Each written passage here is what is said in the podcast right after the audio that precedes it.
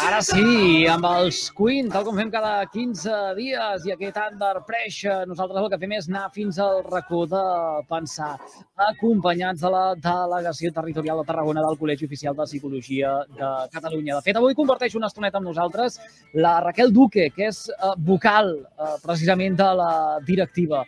Senyora Duque, molt bona tarda, benvinguda. Bona tarda, bona tarda, moltes gràcies. Escolti, uh, ens trobem en una setmana de, de Sant Jordi. Ai, no em parlis de vostè, Eduard, sisplau. Uh, Raquel, uh, sí, sí, màgica, doncs. molt millor, molt millor. Setmana de, setmana de, de Sant Jordi, arribarem el diumenge. Uh, aquí sí. ara no ens posarem a debatre si el Sant Jordi ha de caure un diumenge o ha de caure en un dia festiu. Hi ha opinions de tot, que cadascú cregui i pensi el que vulgui. Portem molts dies nosaltres al programa fent referència ja a, a lectures, a, a recomanacions, ens deixem guiar per les eh, novetats, pel que diuen també les editorials del nostre territori. I avui, eh, de la mà del eh, Col·legi de Psicologia, volem parlar de, de la lectura des d'aquest punt de vista de, de, de la ment i encarau en el camp dels beneficis que ens pot aportar la lectura. Ostres, eh, potser no hi havíem arribat a caure mai, no? En què la lectura ens porta moltes coses bones. Eh, I en aquest cas, doncs, això per eh, sanejar la matèria, la matèria gris. Sí, sí, i tant. Eh, la lectura és una... Llegir és una manera de, de cuidar-se a nivell psicològic, també. Nosaltres ho veiem així. Eh, no és teràpia, però sí que és un acte terapèutic. Eh, llavors l'hem d'aprofitar i el tenim molt a, molt a l'abast. De fet, tenim molta sort, perquè ara bueno, us donaré una dada random que he trobat per internet buscant eh, bueno, publicacions al respecte del tema, i és que eh, m'ha sorprès molt, però hi ha 800 milions de persones al món que no tenen accés o no tenen les capacitats de lectoescriptura suficients per, le per llegir. I si nosaltres les tenim, doncs, ostres, som afortunats, no? Perquè tenim la clau per accedir a aquest univers de, de paraules i d'emocions aprofitem prou aquestes capacitats lectores eh, que tenim perquè vivim en un món, en una societat en què, doncs, afortunadament, eh, eh hem après a llegir, almenys a dia d'avui, eh, eh, segle eh, XXI, per exemple. Eh, valorem prou eh, això o, o realment no li donem la importància que es mereixeria saber llegir? Doncs eh, jo crec que qualsevol persona diria avui dia que, que no, no? Hi ha, hi ha moltes maneres eh, en les que mantenir entretingut el cap avui dia i malauradament els, els llibres s'han deixat una mica de banda. Per tant, eh, els que encara tenim aquesta bona costum, doncs ens hem d'encarregar una mica no? de portar aquesta bandera i de, de promoure eh, la lectura entre la gent. Escolta una cosa, Raquel, uh, ara tu parlaves de dada random, ara jo faré proposta random. Sí, eh? Vinga. La, la, la lectura eh, com a substituta de, eh, no sé, mm, fàrmacs o mm, teràpies eh, que, puguin estar aplicant-se a dia d'avui. Funcionaria? Mm, bueno, eh, és el que t'he dit abans, Eduard. No, és teràpia en si mateix, però sí que pot eh, resultar una activitat terapèutica. Eh, la lectura ens pot permetre evadir-nos de, bueno, d'un dia dur de feina, arribes a casa, estàs molt atabalat i agafar un bon llibre i tenir aquest moment per dedicar-te-la a tu eh, et pot resultar molt terapèutic o inclús eh, anem més enllà, no? situacions eh, dures que per lo que sigui estàs vivint en aquell moment eh, també et permet agafar distància i si, si quedes atrapat en aquell llibre, d'alguna manera mm, t'alliberen altres mons, no? que esculls tu de manera eh, personal. Per tant, sí, és terapèutic llegir, tant que sí. Hmm. Valdria qualsevol tipus lectura o, o, o aquí eh, ens hauríem de deixar eh, recomanar també perquè eh, diuen els especialistes, en aquest cas doncs, els eh, facultatius com poden ser doncs, psicòlegs? Eh, jo crec que un cop surts de, de l'etapa escolar, on, on t'obliguen moltes vegades a, a llegir coses que, que no et venen de gust, jo crec que hem de gaudir d'aquest procés d'escollir el que, el que necessitem llegir. Eh, jo penso que, que hi ha un llibre per cada moment de la teva vida. O sigui, passis per la circumstància personal que estiguis passant o tinguis les inquietuds mentals que tinguis, sempre hi ha un llibre que, que et pot eh, donar una mica de llum. I buscar-lo pot ser un procés super bonic. Eh, Donar-te aquest temps no? per buscar el llibre que necessites i, i, i de ben segur en trauràs eh, coses útils i, i et donarà llum, com he dit abans. Raquel, ara potser faré d'advocat del diable, eh? Uh, però m'ho has de permetre i, i, i sí. corregeixes, em contradius o ens... O, o en... uh, la persona, per exemple, que, però que pateix una depressió. Agafem, uh -huh. doncs, aquest, aquest cas. Potser no li ve de gust llegir, perquè no li ve de gust o no li és plaent agafar un llibre com superem aquest escull? Doncs eh, amb disciplina, Eduard, sabent que, que si llegeixes, igual que si vas al gimnàs, igual que si t'alimentes bé, eh, doncs això tindrà una repercussió eh, positiva en tu. Eh, els psicòlegs parlem molt d'això, perquè la gent tira molt de és que no tinc ganes o no tinc forces de voluntat. Ja, però és que és el que et convé, no? I quan no estem motivats o no tenim força de voluntat, hem de ser disciplinats.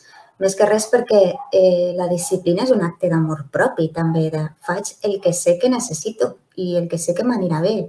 Això, sumat a que sàpiguis escollir, evidentment, un llibre que et vingui de gust, perquè no llegiràs algo que, que sigui infumable per tu, doncs mm, no és tan difícil. Que et costarà un esforç? Probablement sí, perquè quan un està eh, amb sintomatologia depressiva costa molt fer gairebé tot.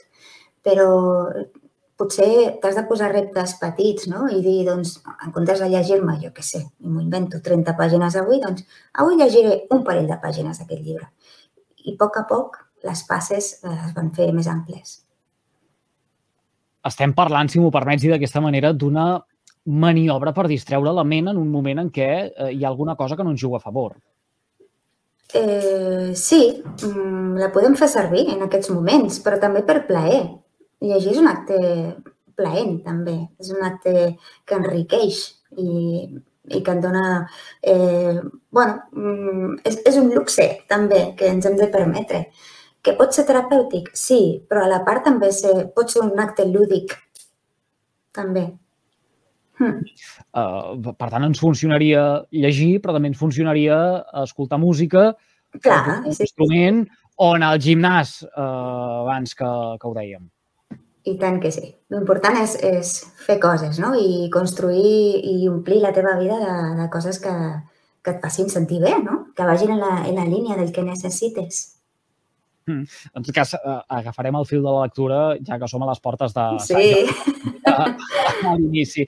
Raquel, hi, hi ha gèneres eh, que, que, que vagin més bé a, a l'hora de eh, sanejar la, la, ment, a l'hora de trobar aquesta uh, pau amb un mateix? Parlaves de, al final, cadascú ha de ser capaç d'escollir el que millor li vagi segons doncs, les seves preferències. Però uh, si anem a una llibreria o si anem a la biblioteca, uh -huh. trobarem uh, una gran varietat, un gran assortiment uh, de propostes uh, literàries. Uh -huh. N'hi ha que, com a especialista, digueu, ostres, uh, no sé, crònica negra, m'ho invento, eh? Crònica negra, tan de moda, no, no l'agafis. Um, ves per un altre mm. o, o, o, o mira millor els millors llibres de relats, uh, perquè d'aquesta manera, abans de, de les pauses que podem anar eh, fent, ens serà més senzill uh, de, de poder-les pautar.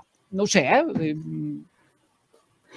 Eh, si parlem de literatura de, de ficció, jo crec que eh, per això ens hem de d'atendre, bueno, des d'un punt de vista personal, o sigui, què és el que t'agrada a tu i, i ja està.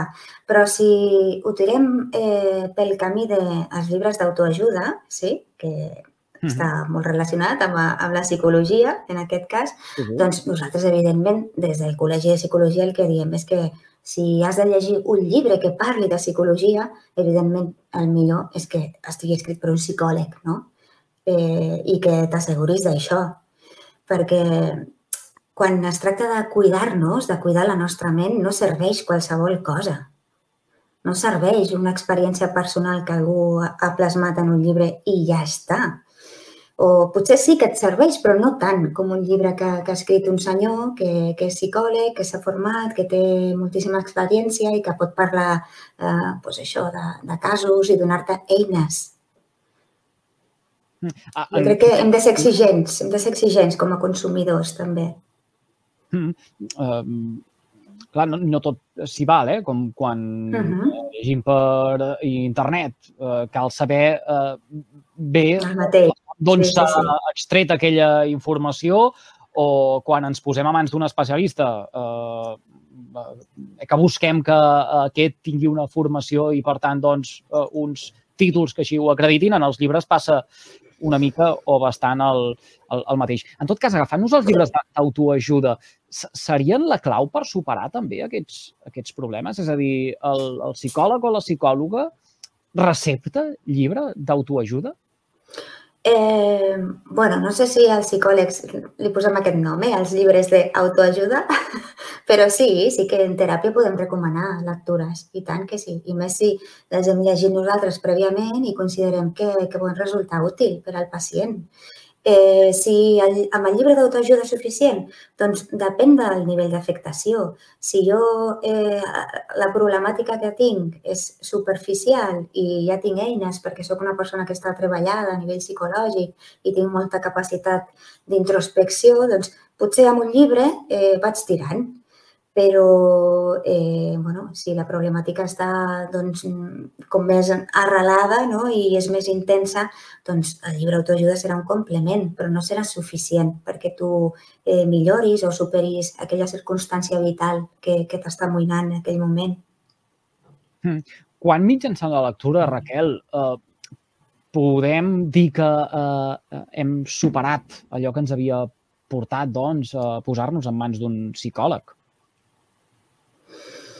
Doncs eh, potser eh, quan llegeixes un llibre d'aquests de, de psicòlegs que dona eines i que descriu casos i, i dius, ei, mira, això m'ha passat a mi i ja no estic en aquest punt, no?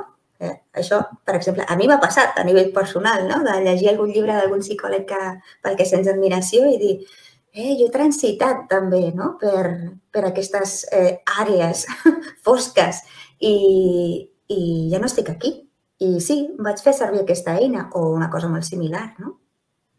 Uh, moltes vegades ho hem dit, uh, no tothom va al psicòleg, estic convençudíssim que molts dels oients que ara mateix ens estan seguint en directe o en remissió o des del servei de ràdio a la carta uh, uh, no han uh, participat mai d'una uh, consulta amb un psicòleg o, o, o psicòloga, tot i que uh -huh tothom és carn d'anar al psicòleg, i ho hem dit també moltes vegades i en aquesta, en aquesta, sí. en aquesta uh, secció. Um, tothom pot tenir beneficis en el seu dia a dia, en el sanejament de la seva ment, en el sentir-se bé amb un mateix a través de la lectura? Sí, si esculls bé, pot fer una bona recomanació. I tant que sí. I tant que sí. O sigui, jo pf, és que posaria la mà al foc Eduard, de que sigui així. Potser, eh, i, i poso una altra vegada un exemple d'un llibre de psicologia, no? que parli de psicologia. Potser en aquell llibre et donen 20 eines i, i a tu només et serveixen 5, però bueno, ja has tret alguna cosa, no? I, i, I amb les altres 15 has reflexionat. Doncs perfecte, és terapèutic i, i reporta, o sigui, té beneficis en tu i tant. Aleshores, com s'explica, Raquel, que hi hagi gent que no hagi agafat mai un llibre o que no vulgui llegir o que digui que um, uh, no tinc temps per llegir? Um, doncs, no fer sé. certeses. Jo, això per mi és un expedient X. Eduard, ni idea, no sé. La veritat és que no, no ho sé explicar, però bueno, suposo que ve una mica eh, explicat per lo que dèiem al principi, no? Que eh, la societat actual ofereix moltes maneres de, eh, per omplir el teu temps d'oci. I potser llegir sí que requereix cert esforç o que tinguis uns hàbits instaurats. I el més fàcil és sentar-te al sofà no? o anar-te a prendre una cervesa o bueno, qualsevol altra activitat. Potser també perquè parlem poc dels beneficis psicològics que suposa la lectura, és a dir, sempre fem bandera de uh, llegint amplies el vocabulari, uh, llegint, uh, adquirint doncs, més capacitat d'oratòria a l'hora de uh, uh, posar doncs, el que sigui en públic. Uh, sí. Llegint, doncs, uh, agafem també molt més ritme a l'hora de mm, treballar fins i tot, a escriure. Sí, sí, sí. Eh, fomentes la teva creativitat. Eh, com tu has dit, eh, augmentes les teves habilitats comunicatives, inclús eh, desenvolupes la teva empatia, no? Perquè llegir, per exemple, ficció et fa saltar d'un personatge a l'altre i posar-te en la pell eh, d'altres persones. I, i això eh, doncs, bueno, treballa la teva capacitat empàtica i, i a l'hora de relacionar-te a nivell social doncs et facilita la vida molt, no? Ser empàtic. Mm. De cara ja a, a, a, la tercera edat. Uh, llegir també es diagnostica, per exemple, en tallers de memòria. Ara fa uns quants mm. dies ho explicaven en un municipi on tot just s'havien posat en marxa feia uh, relativament poc. Què aconseguim precisament en la lectura en els uh, avis i àvies? Doncs eh, els estudis diuen que retrasa l'envelliment del cervell. Està superdemostrat. Per tant, és, és un hàbit mm, no només saludable, sinó molt recomanable i jo diria que imprescindible, no? que, que, que a mesura que et fas gran doncs, no deixis aquest hàbit, inclús eh, el vagis intensificant, perquè és una manera de mantenir jove el teu cervell. El teu cervell treballa moltíssim eh, mentre està llegint en tots els àmbits. Llavors, és, és la gimnàsia, no? Gimnàsia del nostre cervell. Mm. En un moment en què uh, se'ns diu que les malalties del futur seran precisament les que estan relacionades amb uh, la ment, i això ho estem veient ja, no repassarem ara uh, dades, però aquestes es poden, uh, es, es poden disposar a tothom que ho uh, desitgi faci una uh, bona uh, cerca. La lectura l'hauríem d'entendre com a quelcom bàsic, precisament per uh, mitigar uh, que aquestes uh, gràfiques uh, vagin en ascens uh, i de manera ràpida com se suposa que passarà en els propers anys. Sí, potser falta no? alguna campanya que, que ens ajudi a, com t'he dit abans, a gaudir del procés de buscar el teu llibre, no? Eh, perquè potser, eh, no tinc molta informació al respecte, però parlo des d'una perspectiva personal. Sí que és cert que quan ets jove i vas al col·le, eh, bueno, el que fas és llegir de manera obligada certs llibres, no? I en poques ocasions, no dic que sigui sempre, eh, et deixen eh, escollir, no? O et donen aquesta autonomia per poder escollir el que necessites. Eh, doncs potser ho hem de redescobrir, això, a nivell social, no? I que la gent trenqui amb aquesta etiqueta de, uah, llegir és un rotllo. No, no és un rotllo. És com tot, no? Si t'obliguen a menjar alguna cosa que no t'agrada, doncs però si pots escollir el que menjar, ho gaudiràs moltíssim. I amb la lectura jo crec que passa el mateix. És, jo, a la gent que ens està escoltant i que, que no té l'hàbit de, de, de llegir, doncs la convido a que faci aquest exercici d'anar-se a una llibreria i, i donar-se una estona per dir, a veure, què em ve de gust? I, i cuidar-se d'aquesta manera, no? fer-se aquest regal. El, Perdona, no t'he sentit, Eduard.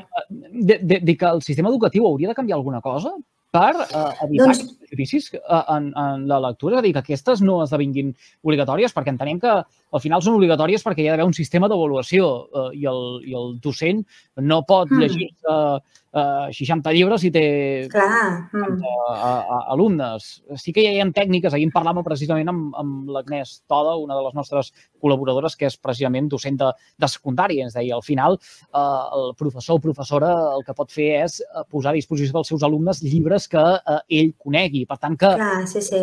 escollir entre uh, una varietat, doncs... Tenen aquesta limitació, sí. Jo, la veritat és que no, no sé com es fa a nivell educatiu, perquè jo, jo no sóc una experta en l'àmbit d'educació. Eh, Eduard, suposo que sí, evidentment, que hi haurà profes que, que s'han adonat d'aquesta mancança i intenten eh, fomentar l'hàbit de la lectura.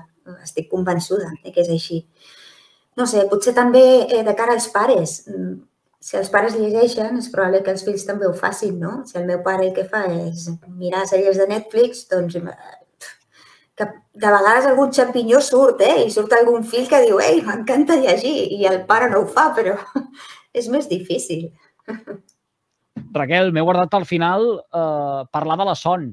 Eh, llegir de vegades també ens fa eh, badallar, llegir també de vegades eh, fa que ens agafin eh, ganes de fer una becaina.